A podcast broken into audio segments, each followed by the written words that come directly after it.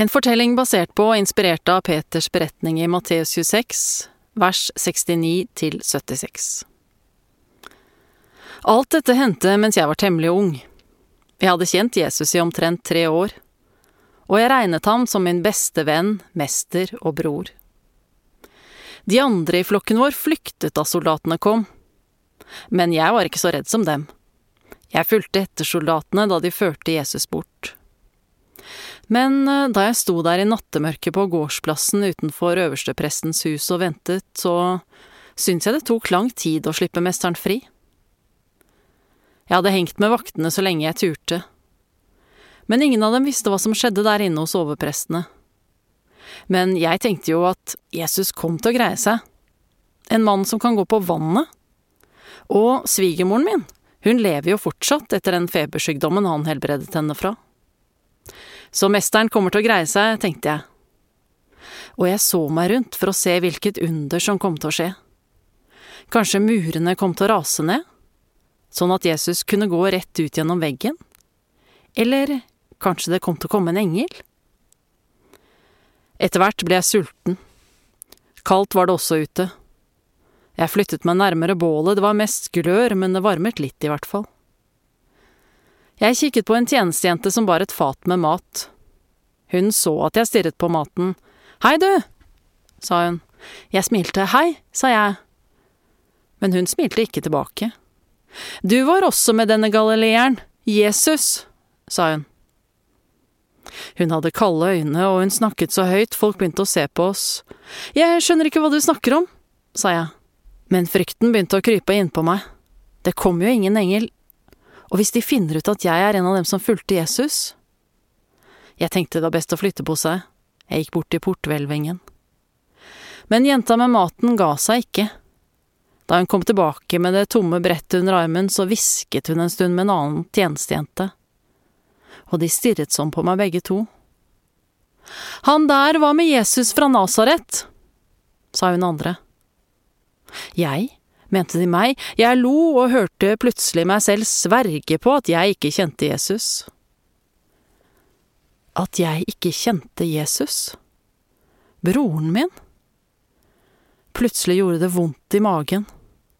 Hva var det jeg sa? men stemmen min snakket igjen. Jeg kjenner ikke den mannen! ropte jeg.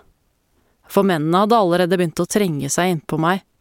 Og jeg er sterk, jeg visste jeg kunne slå ned de nærmeste, men Jesus var så nær. Jeg så ham ikke noe sted, men jeg merket ham, og jeg tenkte på vakten som jeg hugde øret av. Og Jesus som snakket til meg, la øret tilbake mot hodet hans til øret grodde sammen med huden. Mesteren hadde ikke slått så jeg slo ikke nå. Men det var så mange av dem. Nå må murene snart falle, tenkte jeg. Slipper de ham ikke fri? Hvor er englene hen? Jeg ble redd helt inn i ryggmargen. En mann kom tett på meg, vinlukta pusten hans, og ordene var fulle av ondskap. Han spyttet på meg når han snakket. Du er en av dem, du også, dialekten røper deg. Seinere tenkte jeg det var pusten hans som gjorde det. Jeg sto der og pustet inn pusten hans, og så bannet jeg. Jeg som ikke hadde bannet siden de første dagene jeg gikk sammen med Jesus. Men nå, nå veltet banneordene ut av meg. Men det hjalp ikke. Folk kom bare tettere på meg. Og plutselig tenkte jeg på at Jesus hadde jo snakket om at han skulle dø. Hva om murene ikke kommer til å falle, tenkte jeg og englene ikke kommer til å komme? Jesus er borte. Og det var bare meg mot alle de andre, nå må jeg redde meg selv, tenkte jeg, ellers så dreper de meg. Jeg kjenner ikke denne mannen, sa jeg, jeg, jeg kjenner ikke denne mannen. Og jeg gjorde måten min å snakke på så lik deres jeg kunne. Men de bare lo, og latteren deres var vond. Jeg sto der og tenkte plutselig at jeg var jo ikke stolt av å være Jesu venn, jeg var bare motvillig blitt med i flokken hans, jeg var blitt en følger av han mot min vilje, han hadde nesten tvunget meg med, faktisk. Sa jeg dette? Jeg rakk å tenke de fæle tankene, i hvert fall. Men så gol hanen. Og da husket jeg det Jesus sa til meg. Før hanen galer skal du fornekte meg tre ganger. Og plutselig gråt jeg. Jeg sto der og begynte å grine foran dem. Og mannen med den vonde pusten spyttet på bakken. De andre mennene lo. Tjenestejentene bare flirte og gikk. Mennene gikk, de også. Men murene mine raste sammen i meg. Alt styrta sammen. Jeg sviktet han, tenkte jeg. Jeg sviktet deg, Jesus. Og du visste det kom til å skje, du kjente meg, du sa det til meg. Og jeg sprang vekk fra gårdsplassen. Men jeg hadde jo ingen steder lenger å gå. Jeg gråt bittert, og jeg trodde alt var over. For jeg var ung på den tiden, og jeg visste ikke alt det jeg vet nå. Så jeg trodde at alt var over, ennå alt egentlig nettopp hadde begynt. Eh, Yeezy, Kanye, han syns jeg er eh, spesielt fyr, men jeg liker det. Han er gæren, og jeg liker gærne folk. Jesu Kristi føler jeg begynner ikke å bli gammelt av. Eventyret er vi ferdig med. Det er greit også å steppe opp eh, gamet litt. Hvordan opplever du å være et vitne for Jesus i dag. Kjenner du igjen følelsen Peter sitter med når folk spør om han er en av de som kjenner Jesus? På den ene sida så lever jo vi i et land med muligheter for å leve ut troa vår, som millioner av kristne rundt om i verden bare kan drømme om. Vi blir ikke forfulgt, utstøtt fra familien eller fengsla fordi vi tror. På den måten er vi heldigere enn mange av oss er klar over. Samtidig så kjenner mange av oss på frykt for å dele at vi er kristne. Noen ganger så handler det om frykt for å bli misforstått, bli assosiert med holdninger som vi ikke har, andre ganger så handler det om frykt for å ikke bli akseptert for de verdiene som vi faktisk har. Peter han frykta for sitt eget liv. Hva er det du og jeg dypest sett frykter? Jo, jeg tror at det er to kategorier som vi vet at vi lett havner i. Og at det er derfor vi noen ganger bare vil synke i bakken og forsvinne. Den første fikk vi et innblikk i her i klippet som viste i stad. Jeg digger Herman, men akkurat her så gjør han det ikke kjempelett å være den eneste kristne i klassen. For hvem av oss vil vel si at vi tror på eventyr? At vi til og med baserer livet vårt på det i dag, i 2021. Men så tror jeg det er noe vi frykter enda mer enn at folk skal tro at vi er dumme, uvitende og naive. Noen av dere har kanskje hørt om psykologiprofessoren eh, Jordan Peterson. Han er fra Canada, og han har de siste åra blitt elska og hata av tusenvis. Fordi at han eh, tenker at det hovedsakelig fins to kjønn. Og Jeg trekker ikke han fram i dag fordi at jeg har lyst til å stille meg bak alt som han har sagt eller gjort de siste åra. Jeg har også lyst til å understreke at han ikke kaller seg en kristen. Men jeg har lyst til å trekke fram han fordi at jeg syns at reaksjonene han har fått, sier noe interessant om tida vi lever i. Jeg så nettopp dokumentaren som er lagd om han. Og Der ser du hvor store folkemengder boikotter når han prøver å ha et seminar om hvorfor ytringsfrihet er så viktig. Da stiller studenter seg og roper 'skam! Skam! Skam!' Imens andre de setter høy lyd inn i lydutstyret hans, sånn at det bare blir bråk og helt umulig å høre hva han sier. Hvordan kan hundrevis av studenter rettferdiggjøre dette overfor seg sjøl? Det spørsmålet har jeg spurt meg, og jeg tror at svaret er at de oppriktig tenker at han må være ond. At selve ordene hans er farlige for omgivelsene. Og Med det i bakhodet så tror jeg at vi trygt kan si at rommet for hva som anses som dumt, eller til og med ondt, har vokst seg større de siste åra. Hva som folk flest tenker at det er innafor å si, mene eller gjøre, det har endra seg. Og Det er ikke sikkert at flertallet er klar over det, men jeg opplever at kristne er det. At kristne kjenner det på kroppen. Og ikke minst så opplever jeg at kristne ikke vet helt hvordan de skal forholde seg til det. For i mange år så har kristne vært i flertall i Norge. Mange av oss som er unge i dag, vi har ikke erfart en sånn virkelighet.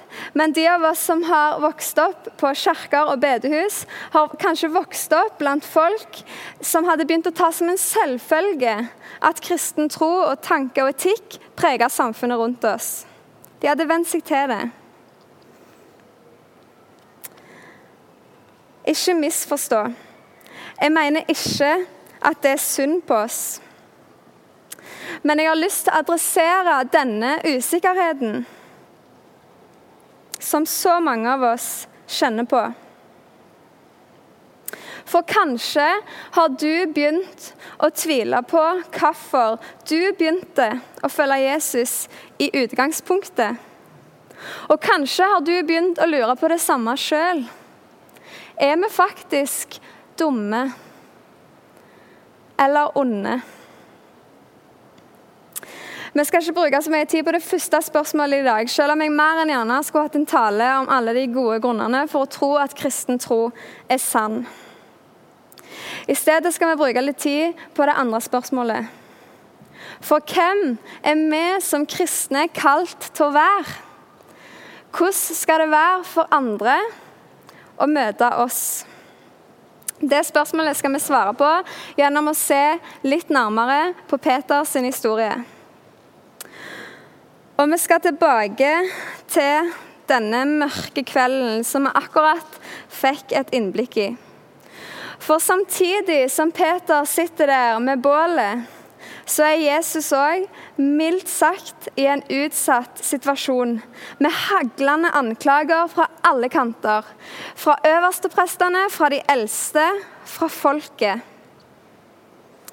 Men Jesus, han svarer ikke et eneste ord. De romerske soldatene slenger seg på, spytter han i ansiktet, pisker han på ryggen, trer ei tornekrone ned over ansiktet hans. Men i motsetning til Peter så går ikke Jesus i forsvar. Fordi han vet at det handler om sånne som meg, sånne som deg, og sånne som Peter. Men Peter har ikke skjønt det ennå. Og gjennom hulka så hører han ikke Jesus si at det er fullbrakt. Og enda mindre så klarer han å forstå at det betyr noe inn i hans nederlag. Men Peter, han er knust. Han hadde jo svikta. Ingenting ble sånn som han hadde tenkt. Han elska jo Jesus. Og nå er Jesus vekke. Han er i sorg, og tre dager etterpå så sitter han fortsatt i sorg med vennene sine, med de andre disiplene. Da stormer kvinnene inn døra, og de er både redde og jublende glad. De sier at Jesus har stått opp fra de døde. Peter vet ikke hva han skal tro. Men i løpet av den neste tida så får han møte Jesus mange ganger sammen med de andre disiplene. Men tror du at Peter er sikker på hvor han og Jesus står etter alt som har skjedd? En dag er Peter på jobb. Han er ute i båten sin og fisker. og Da ser han Jesus stå der inne på stranda på land. Disiplene kommer seg i land, eh, og der sitter Jesus klar med et måltid mat.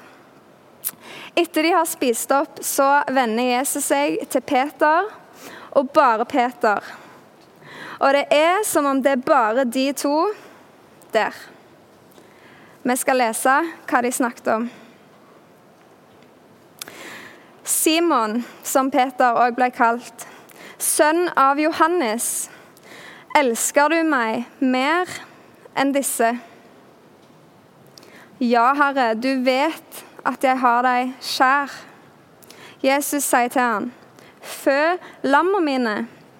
Igjen for andre gang sier han, Peter, elsker du meg? Ja, Herre, du vet at jeg har deg kjær. Vær gjeter for sauene mine. Så sier han for tredje gang, Peter, har du meg kjær? Peter ble bedrøvet, han ble lei seg for at Jesus spurte for tredje gang om han hadde han kjær, og han sa, Herre, du vet alt. Du vet at jeg har deg kjær. Jesus sier til han, fø lamma mine. Ser du hva som skjer her, eller datt du av når sauene og lamma kom inn i bildet? Jo, i denne samtalen og i alt det som har skjedd i forkant, tror jeg Peter får erfare tre ting som forma han som vitne for Jesus resten av livet. Aller først Like mange ganger som Peter svikta, så får han bekrefta fra Jesus at han fortsatt skal ha et spesielt ansvar for de, for de andre kristne, som her blir kalt sauer og lam. Og like mange ganger så får han sette ord på sin kjærlighet til Jesus. Peter kommer aldri til å glemme den følelsen av ufortjent nåde og tilgivelse som siver inn og erstatter den skammen som han har kjent på den siste tida. Og det, folkens, det er gode nyheter for du og meg som har følt akkurat det samme som Peter. Som har følt oss som mislykka vitner. Du er ikke alene. Du er snarere velkommen i gjengen med alle oss andre som ikke føler at vi fikser dette, som kjenner på frykt. Vi er sammen om å trenge Jesus for hver eneste dag og for å finne veien videre. Nummer to Akkurat det samme trengte Peter. Erfaringen hans fra den vanskelige kvelden viste han at han hver dag trenger Jesu hjelp. For det er ikke bare de som anklager Peter, som er syndere. Han er òg det. For mange år siden så var det en konkurranse i ei kjent avis i London. Der skulle du sende inn svaret på spørsmålet 'Hva er galt med verden?' Der meldte en kjent prest og eh, kristen teolog på den tida seg på. Han skrev Du spør meg hva som er galt med verden. Jeg er Skjønner du hvor viktig den erkjennelsen er.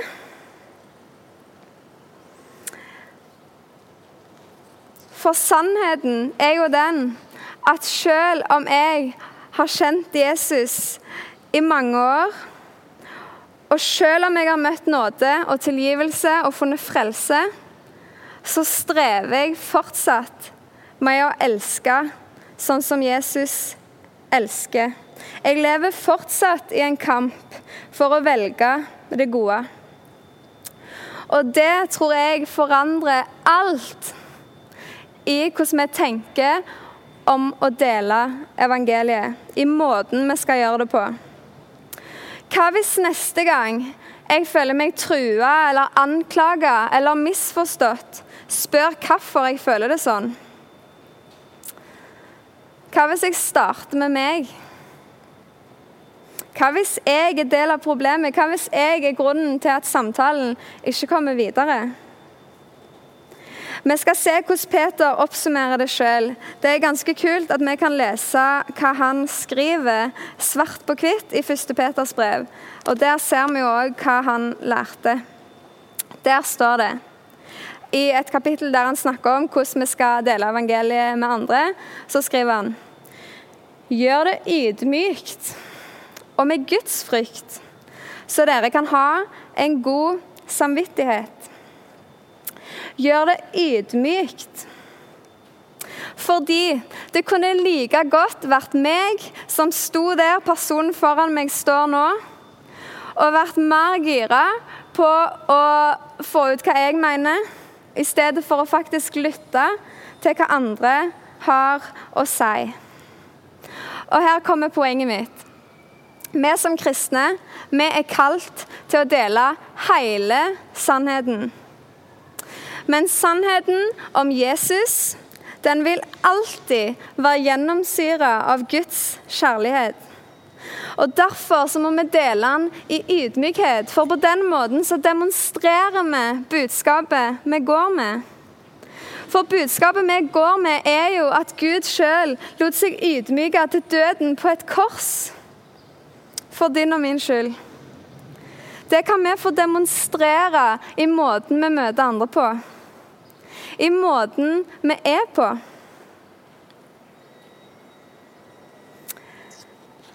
Når jeg var tenåring, så så jeg en film som heter 'Imitation Game' på kino. Det er en skikkelig god film, og jeg må advare dere nå om at jeg kommer til å spoile litt. Filmen den forteller historien til Ellen. Og Kort forklart så var han egentlig en av de viktigste mennene under andre verdenskrig, selv om ikke så mange har hørt navnet hans. For han var med å utvikle en maskin som kort forklart gjorde at de allierte vant over tyskerne. I løpet av filmen så kommer det fram at Allen er homofil. Og jeg må innrømme at jeg tenkte, der jeg hadde sittet og hatt en skikkelig god eh, filmopplevelse, at å, det ødela filmen litt for min del. Seriøst, alle filmer skal jo, skal jo ta opp det. Alle filmer og TV-serier skal jo ta opp det nå. Og Det er jo litt rart at jeg tenkte, egentlig. For hvis filmen skulle være, være basert på en sann historie, så måtte de jo så klart ta det med. Men det var faktisk det jeg tenkte. Sist uke så, så jeg filmen på ny. Og jeg ble rysta over at jeg kunne ha en sånn holdning. I løpet av filmen så ser vi hvordan kollegaene truer Ellen med å røpe hemmeligheten hans, for det er da hadde han mista jobben på flekken. Og de, de, liker ikke at han er smartere enn de, så det hadde passet de ganske fint. Og du ser desperasjonen i ansiktet til Ellen. Dette må for all del holdes hemmelig. Noen år etter krigen så kommer politiet tilfeldigvis over Ellen og finner ut hemmeligheten hans. Ellen blir dømt, og han må velge mellom to år i fengsel eller tvungen hormonbehandling. Han velger det siste, og vi får se hvordan kroppen hans gradvis forfaller. Han svetter, han er bleik, og han skjelver så mye at han ikke kan skrive. Og ett år etterpå så tok Ellen sitt eget liv. Mannen som forskere anslår at redda med sin forskning og med sin maskin 14 millioner menneskeliv.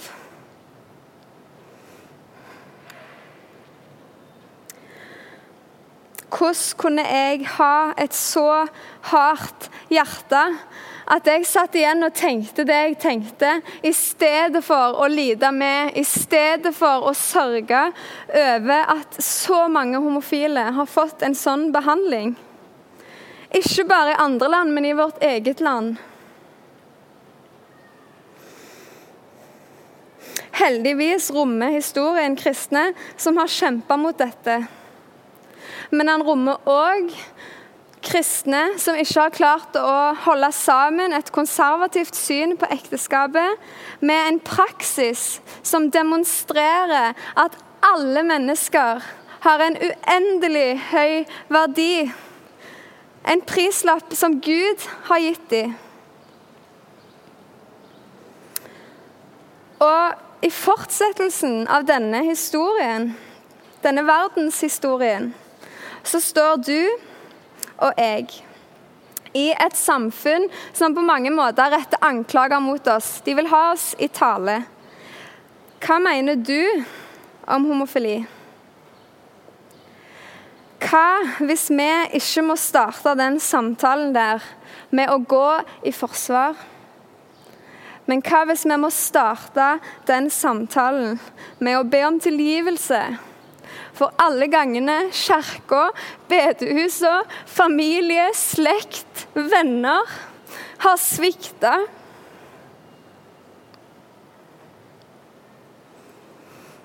Jesus, tilgi oss. Jesus, tilgi meg.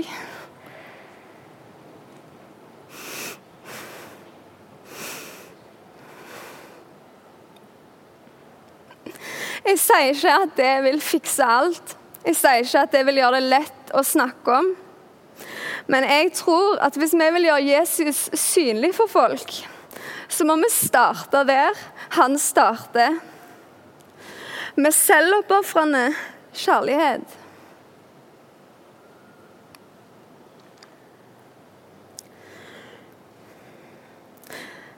For bare på den måten kan vi demonstrere sannheten om Jesus.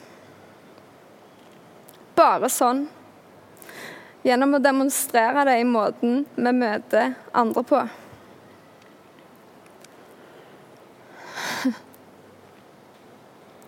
Helt til slutt. Vi skal til siste ting Peter lærte.